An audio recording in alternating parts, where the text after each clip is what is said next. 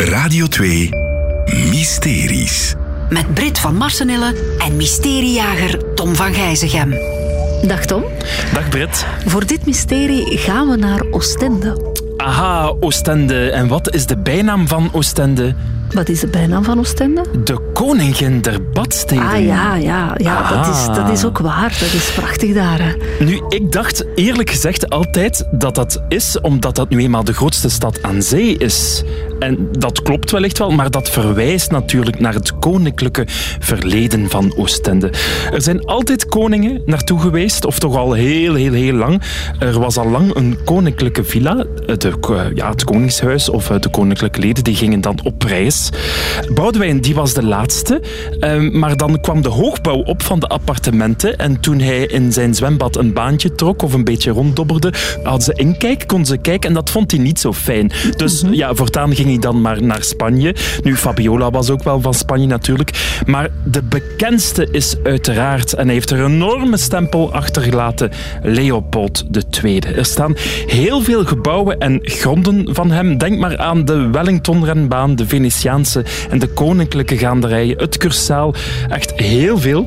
Het geld stroomde uiteraard binnen door zijn misdaden in Congo. Hij roofde het land leeg via de rubberplantages en maakte daar nog miljoenen slachtoffers. Het kostte wellicht het leven aan zo'n 2 tot 15 miljoen Congolezen. Het geld stroomde binnen, het kon niet op en vooral, hij was een megalomaan. Hij was zot van uh, stedenbouwkunde, zeg maar. Ja. Uh, wist ook de juiste architecten uit te kiezen. Hij had er zelfs een beetje verstand van, werd mij gezegd. Maar hij zag het wel allemaal heel erg groot. Waarom was hij nu zo zot van Oostende? Hij had er een emotionele band mee met Oostende, want zijn moeder is er overleden. Koningin Louise Marie. Zij was ziek en ze was er al voor haar gezondheid in de koninklijke villa. Ze dachten aan zee, dat zal jou goed doen. Maar helaas, uh, zij is daar dus uh, overleden. Hij was ja, helemaal verlekkerd op Oostende, kwam daar zelf heel veel naartoe, wou daar een kuuroord uh, van maken, maar hij kwam niet op voor de gewone, gewone Oostendenaren. Nee, hij zag het heel mondain nodigde ook vorsten van overal uit. Er hebben ontzettend veel gekroonde hoofden rondgelopen in Oostende, tsaren en van overal. Uh, dat is echt zo. Um, ze noemden hem in Oostende, dat vind ik wel een leuke, Zotte Pol. Ah, oké. Okay. Ja, ja, en ik heb een, een, paar voorbeeldjes waarom je hem gerust de stempel Zotte Pol mag geven. Eerst en vooral, hij was een enorme vrouwenzot. En op de paardenkoers in de Wellington ging, ging, ging daar naartoe, keek hij met de verrekijker niet enkel naar de paardjes. Hij zocht ze echt uit. Hij zocht vrouwen uit en liet zijn lakeien dan alles regelen. Mm -hmm. En wat ik ook uh, gehoord heb, hij viel letterlijk op alle soorten types. Maakte niet uit van welke sociale klasse waren. Er was maar één voorwaarde, Brit. En die was? Ze, moesten mollig zijn. Oké. Okay. Mm -hmm. Et des couleurs. Hè?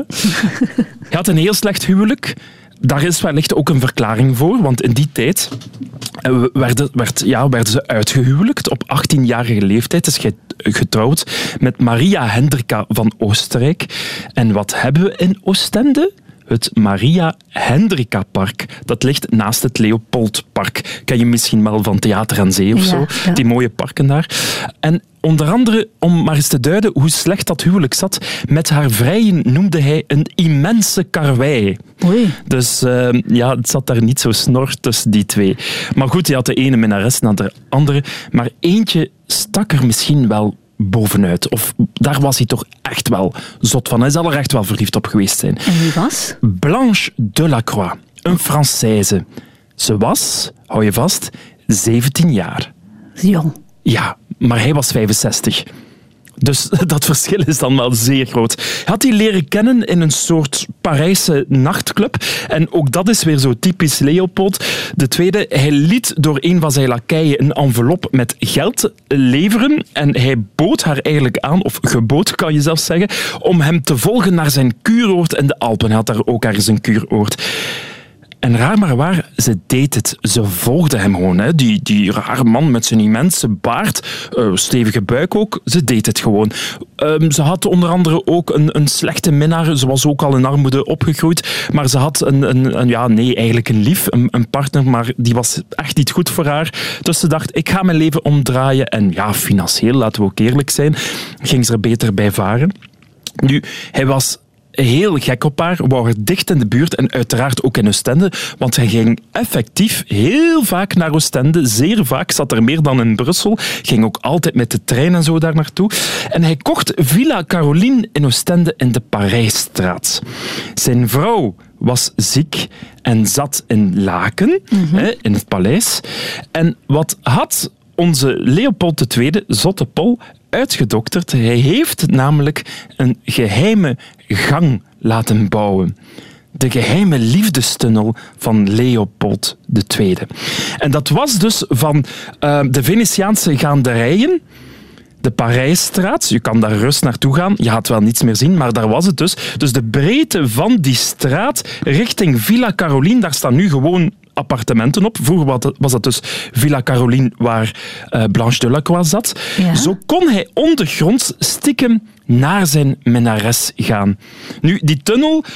Uh, hij zelf was uh, meer dan 1,90 meter groot. Die tunnel was ongeveer 2,30 meter hoog. En die was dan nog eens 3 meter onder de grond. Dus dat moet toch wel een serieuze klus geweest zijn. Het was wel niet heel breed. Hij kon er net in staan. Maar hij kon zo wel onder de grond naar zijn minares gaan. De, uh, de, een afstand van ongeveer 12 meter. Maar dan onder de grond. Nu, het hele gekke is dat eigenlijk heel Oostende wist dat hij minares had. Ja, waarom maakt hij dan een tunnel? Dat is dan weer Leopold II. Oké.